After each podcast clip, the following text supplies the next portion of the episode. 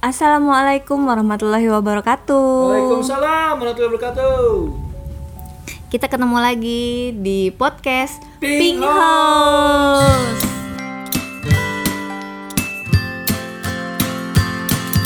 Hmm, Kita episode kali ini acara sambungan. Sambungan, Sambungan lanjutkan, telepon. lanjutkan. Melanjutkan cerita kita yang minggu lalu ya ya ya tentang ular kobra.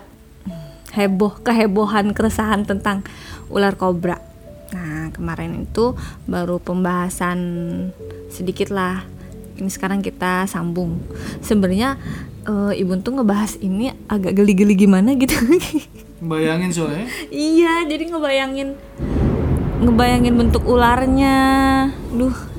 Ini backsoundnya geluduk. beneran. Jadi ngebayangin bentuk ularnya, geli gitu. Aduh, gimana ya? Kita tag ini di tengah hujan deras ini. Geluduk yang mencengkam. Iya, mencekam. Jadi, kalau minggu lalu tuh kita membahas tentang eh ciri-ciri ular ya. Ciri-ciri ular eh, dari dari cara hidupnya, cara bertelur, ciri-ciri dia ada. Nah, selanjutnya kita akan membahas ini, Bun. Lalu apa yang harus kita lakukan kalau kita ketemu uai? Kata Malik uai. Di- oh, kemarin ada tambahannya, ada Iya, Malik ikutan. Episode kemarin ada Malik kita uai gitu. Teror uai. Nah, kita akan bahas nih. Bila ketemu ular harus apa, Bun? Eh, kalau kita ketemu ular itu nggak boleh ngelakuin gerakan apa pun. Yang pertama tuh ya. Mm-mm. Diem aja. Nggak, tapi boleh berteriak. Maksudnya badan kita itu diem aja, tapi boleh berteriak sambil berdiri diam seperti patung. Jadi yang bergerak bibirnya aja. tapi kayaknya nggak mungkin deh. Dia Tapi emang, emang tipsnya tuh serunya begitu, nggak boleh bergerak. Cuma kita berteriak tolong, tolong gitu. Ada ular di dekat saya gitu. Iya kalau di sekitar dianya ada orang. Kalau nggak ada kan bingung ya gimana. ya mungkin cara terbaik kalau udah udah udah mepet banget lah gitu mepet banget pas ketemu mau ke mana lagi kalau gerak soalnya dia kan akan merasa terancam si ular jadi Jadi kesannya si ular itu mau dibunuh sama manusia. iya padahal kita panik tapi dia menganggapnya diancam gitu kan jadi menyeranglah dia jadi opsi terbaik tuh diam dan tenang sih sebenarnya terus bun selanjutnya Amati ke mana ular pergi. Jadi maksudnya arahnya ke mana? Karena ular itu nggak akan ngejar sebenarnya. Yang penting kitanya diem itu Jadi prinsipnya pantau diem. pantau pantau nih ke mana larinya nih Iya. Nah, terus kalau misalnya kita ngeli udah ngeliat nih si ular larinya ke mana, ya jangan kita ikutin. si ular larinya ke arah utara, ya kita ke- kalau dia udah ngadep sana ya kita berjalan pelan-pelan kali ya ke arah sebaliknya. oh iya. Karena jadi sebenarnya dia nggak akan nggak akan ngejar kita. kalau lengah dia lengah kita kabur gitu ya. Ular tidak akan mengejar. Yang penting kita diam tidak bergerak. Kok ya kembali lagi bener diem. sih. Iya. Terus ketiga nih. Eh, ketika ular mulai kabur, segera hubungi satpam atau penangkap ular. oh Panji manusia milenium. Ya maksudnya eh, Panji apa hubungi Panji si orang petualang. yang inilah yang bisa iya kira sekarang ular hubungi itu gitu. departemen Lapor. terkait iya. Sekarang pemadam kebakaran tuh bapak di bapak-bapak di pemadam kebakaran udah bisa kok ya menangani ular. Udah terlatih mereka itu. Iya jadi bisa juga ya hubungin itu pemadam kebakaran. Ada ular nih tadi saya ketemu Iya. eh, di daerah mana gitu sebutin dengan lengkap. Gitu. Terus kalau berani nih kalau bagi yang berani ambil ember lalu tutup pelan-pelan si ular itu dari arah kepalanya. Pelan-pelan supaya ular tidak mendetek gerakan cepat gitu. Jadi pelan-pelan tutup ularnya pakai ember. Jadi pakai ember ya. Kalau pakai ember ditutup, tapi jangan pakai gerakan yang cepat cepat, jangan sampai gerakan yang refleks. Jadi biar si ularnya ini nggak kaget lah, kagetan karena ular tuh. Ayam ayam ayam ayam. gitu. Ruben kayaknya Latah. Oke, selanjutnya apa nih yang dilakukan misalnya kita eh, udah terlanjur kena gigitan ular Oke. Nih, Jadi eh, seperti minggu lalu yang ayah pernah mm, obrolin kalau ular yang bisanya tinggi itu bekas gigitannya ngeluarin darah banyak. Tapi kalau ular eh ularnya bisanya tinggi darahnya nggak keluar banyak, terbalik terbalik. Tapi kalau misalnya ularnya ularnya justru nggak berbisa, Ya. bekas gigitannya itu keluar darah banyak. Oke. Nah di sini kan kalau ular kobra itu berbisa, Mm-mm. bisanya tinggi. Jadi bekas Dia- gigitannya itu, Banyak bakat lah, sudah bisa. jadi bekas gigitannya itu justru nggak keluar darah banyak, sedikit. Oke. Tapi bekas gigitannya itu rasanya tuh panas, kayak kebakar gitu. Hmm. Terus kalau misalnya eh, bagian yang digigit ular itu contohnya tangan misalnya. Nah, tangan itu kena gigitan ular kobra. Nah, tangan kalian itu jangan dikeatasin. Tapi tetap di posisinya, ditaruh di bawah aja gitu posisi tangan kita lagi berdiri gitu gimana sih? Nah, biasa kayak gitu. Jadi jangan eh, nggak boleh lebih tinggi dari jantung. Jadi harus lebih rendah. Nah, kalian gak ada yang bingung kan posisi jantung sebelah mana? Ternanya lagi DM. Dijidat, dijidat. Jantung sebelah mana bun? nah jadi jangan dikatasin. Kalau dikatasin berarti artinya itu posisinya lebih tinggi daripada jantung. Kalau dikedepanin artinya berarti sejajar jantung. Jadi kalian jangan ke atas atau ke depan, tapi ditaruh di bawah aja justru diturunin tangannya. Biar nggak menjalar. Iya, jadi Cepat lah biar ya. eh, si bisanya itu biar nggak menjalar cepat ke jantung. Gitu. Oh, oh, karena dia mengalir mengal- melalui aliran darahnya. Iya, jadi eh, sifat darah itu kan benda cair, sama seperti air mengalir dari tempat yang tinggi ke tempat yang rendah. Gitu. Kalau misalnya kalian tangannya dikeatasin yang bekas kena gigitan, justru mempercepat jal- jalannya si bisa itu ke jantung. Jadi dia turut kan? Selain pompaan jantung juga ya. Iya. Terus yang bekas gigitannya itu dibebat. Bebat itu kayak diikat gitu. Diikat tapi jangan terlalu kenceng sih. Tapi kalau jadi kenceng tapi jangan diikat mati gitu. Hmm. Kenapa? Biar nggak beredar cepat sih bisanya, biar nggak Oh. ke mana-mana lagi gitu. Kalau Jadi ditekan itu justru malah makin cepet deh ya. iya, jadi di, dibebat kayak orang patah tulang gitu kan. Iya iya iya. biar nggak ke mana-mana gitu terus segera bawa ke rumah sakit kalau misalnya eh, kalian de deketnya ke rumah sakit mana enaknya sih ke RSUD ke RSUD Oh Cibinong udah ada nih bun di oh sini. iya di RSUD Cibinong atau RSUD RSUD Depok, Depok, kalau di jadi- kita berarti RSUD Cibinong Iya, Kabupaten Bogor, sudah Cibinong kita di Kabupaten Bogor nih, sudah Cibinong. Kok kemarin kita belum tahu infonya di mana ya? Hmm. Oh, sudah Cibinong udah ada nih. tapi kalau kalian jauh dari RSUD Cibinong mungkin bisa ke rumah sakit mana dulu gitu kali ya baru Pokoknya rumah sakit lah ya, jangan rumah ini sunat. ya iyalah ya jadi eh kalau bisa langsung ke rumah sakit. Kenapa? Karena kalau misalnya kalian datangnya ke klinik itu pasti disuruh ke rumah sakit lagi. Jadi eh, percuma gitu. Kurang lengkap ya. penanganannya di klinik itu kurang lengkap tidak seperti di rumah sakit. Mm, Selanjutnya, terus harus banyak minum air putih. Nah betul ya terus putih. minum susu. Madu yang banyak. Eh, kalau bisa ini tuh ditambahin nih minum air kelapa. Air Masa? kelapa air kelapa hijau itu kan sifatnya sama kayak susu menetralkan. Jadi Oh, itu menetralkan. Karena si eh, si korban ini nggak boleh sampai tidur. Harus tetap terjaga. Karena kalau misalnya dia tidur ngantuk tidur Hmm. terus kita nggak tahu ini bisanya tuh jalannya udah sampai mana. Memang bisa terdeteksi komlek nih. Ya tapi dia kan bisa merasakan sakit enggak Oh. gitu, bisa ditanya gitu Bisa diobservasi. Iya betul. Kalau sudah kalau misalnya dia tidur, kita nggak tahu dia kesakitan udah nyampe mana. Diem aja tidur, Tibra ya, pulas gitu ya. gitu. Lewat lagi takutnya. Iya kan jadi nggak jadi nggak ketahuan gitu. Hmm. Terus kalau misalnya ular e, bisa ularnya itu bisa memancar jaraknya tuh 2 meter jauh juga ya. Duh, iya. Jadi dia bisa misalnya dia Nyemprot. muncratin Iya, nyemprot. bisanya dari mulut nyemprot Ular apaan ular? Nyemprot. jadi dia kalau istilah manusia ngeludah gitu kali ya Mm-mm. Kalau ngeludahnya itu bisa jarak 2 meter tuh bisa kena, bisa kena ke mata kita. Nah, terus kalau udah kena mata, jangan dikucek.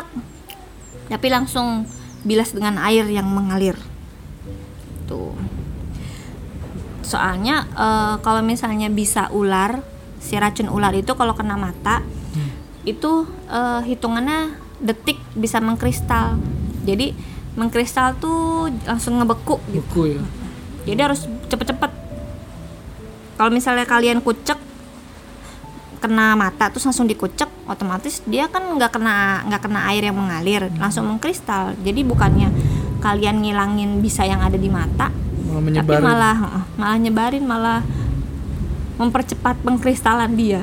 Hmm. Itu kalau tadi ular kobra yang berbisa. Hmm. Kalau yang nggak berbisa gimana ya? Nah, yang tidak berbisa ini seperti sanca atau ular pohon ya? Ular pohon bisa nggak sih? Enggak Yang hijau kayak itu ular daun gitu ular kan. daun ya. Sanca sih yang banyak beritanya di online atau di Dia TV. besar ularnya tapi Iya, nggak terus berbisa. ya berkaitan dengan perkampungan lah ininya habitat manusia, habitat mereka itu. Nah kalau tidak berbisa, satu basuh gigitan ular di air mengalir. Oke, jadi lukanya tuh kayak berwudu lah ya di tangan tuh misalnya di tangan. Dibilas, Dibilas mengalir ke dibersihin. bawah gitu ya. Jangan di ember berarti kan? Enggak. Dicelupin gitu nggak nggak boleh. nggak boleh karena nggak ngalir Nggak keluar tuh lukanya. Dua hentikan pendarahan. Misal dengan daun pisang yang dikunyah. Emang daun pisang bisa? ya?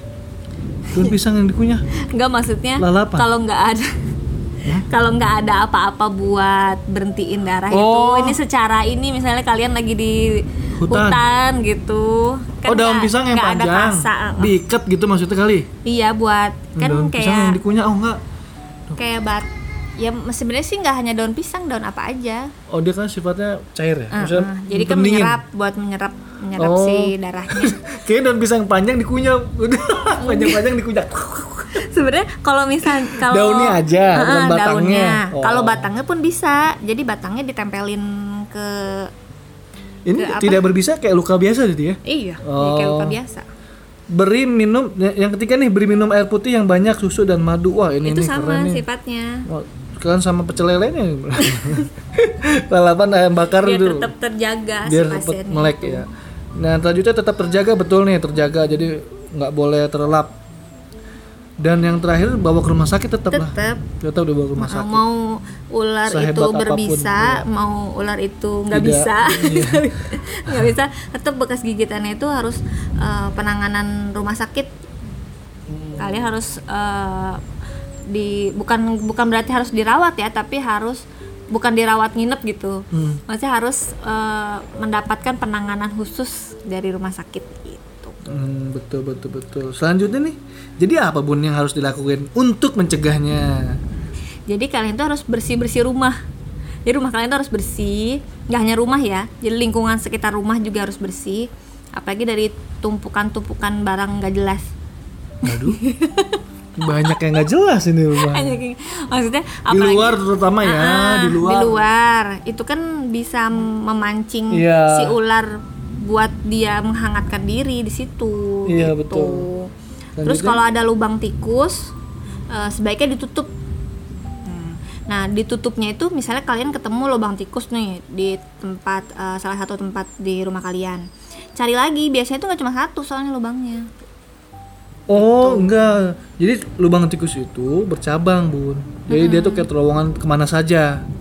jadi depan satu ternyata dia tembusnya ke mana lubangnya. Nah makanya, Makanya si biasanya ular. cuma satu.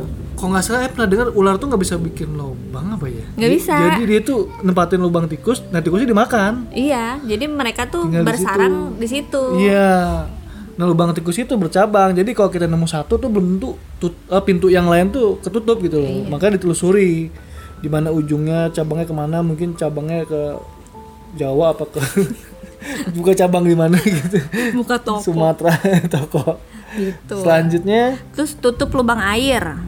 Lubang maksudnya kayak lubang selokan kayak misalnya kalau di rumah di Hmm. rumah itu kan ada saluran air untuk lubang di kamar mandi atau di tempat eh, tempat cuci gitu kan ada lubang air tuh yang mengalir ngalirin air ke selokan gitu itu tuh harus ditutup Hmm. Dan ditutupnya itu kalau bisa pakai kawat baja biar nggak bisa kegigit sama ular. Misalnya nih, amit-amit ya, ular itu Tikus keluar. juga Tikus juga, gigit. heeh. Tikus sih sedikit ya, kan giginya kuat dia tuh.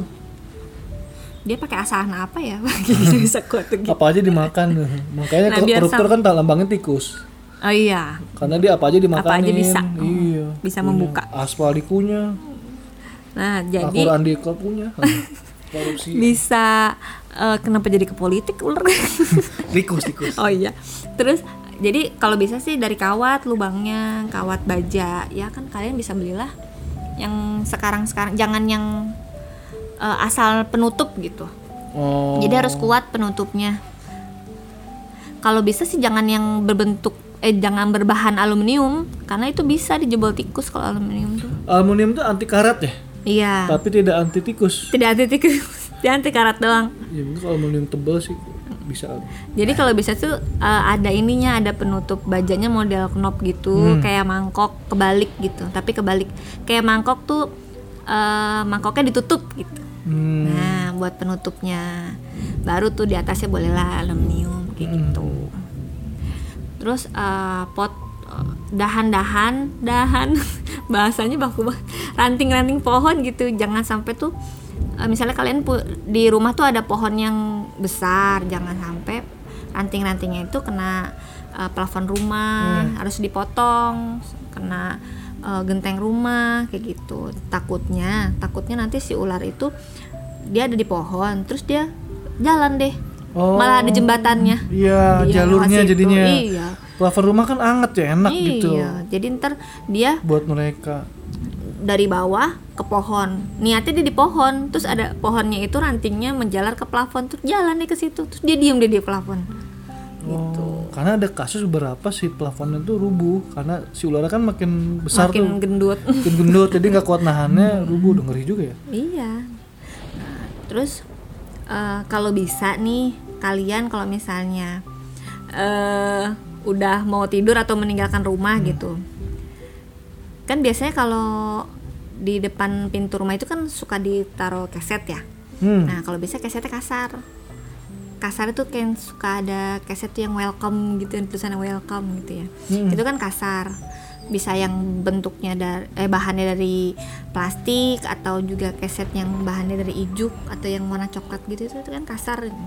Jadi eh, kalau misalnya pintu rumah itu kan biasanya nggak rapet banget tuh ke bawah.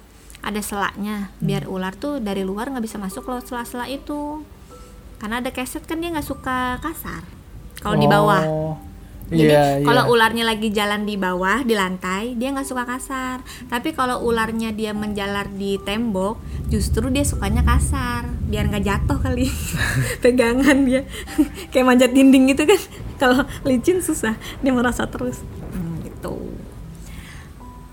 Sama kayak di jendela di jendela tuh taro eh eh, ijuk dia, tali dia sa- dia kasarnya nggak suka kasar yang ijuk. Iya Kasar ijuk melukai kan gatal buat kita juga kan, buat kulit kita buat melukai ininya, melukai Kulit kulit, kan. badannya. Lu di jendela juga kalau bisa ditaro-taro begitu deh. Eh, bau ijuk lah. berbau ijuk, sapu ijuk taruh. Kita harus beli banyak sapu ijuk.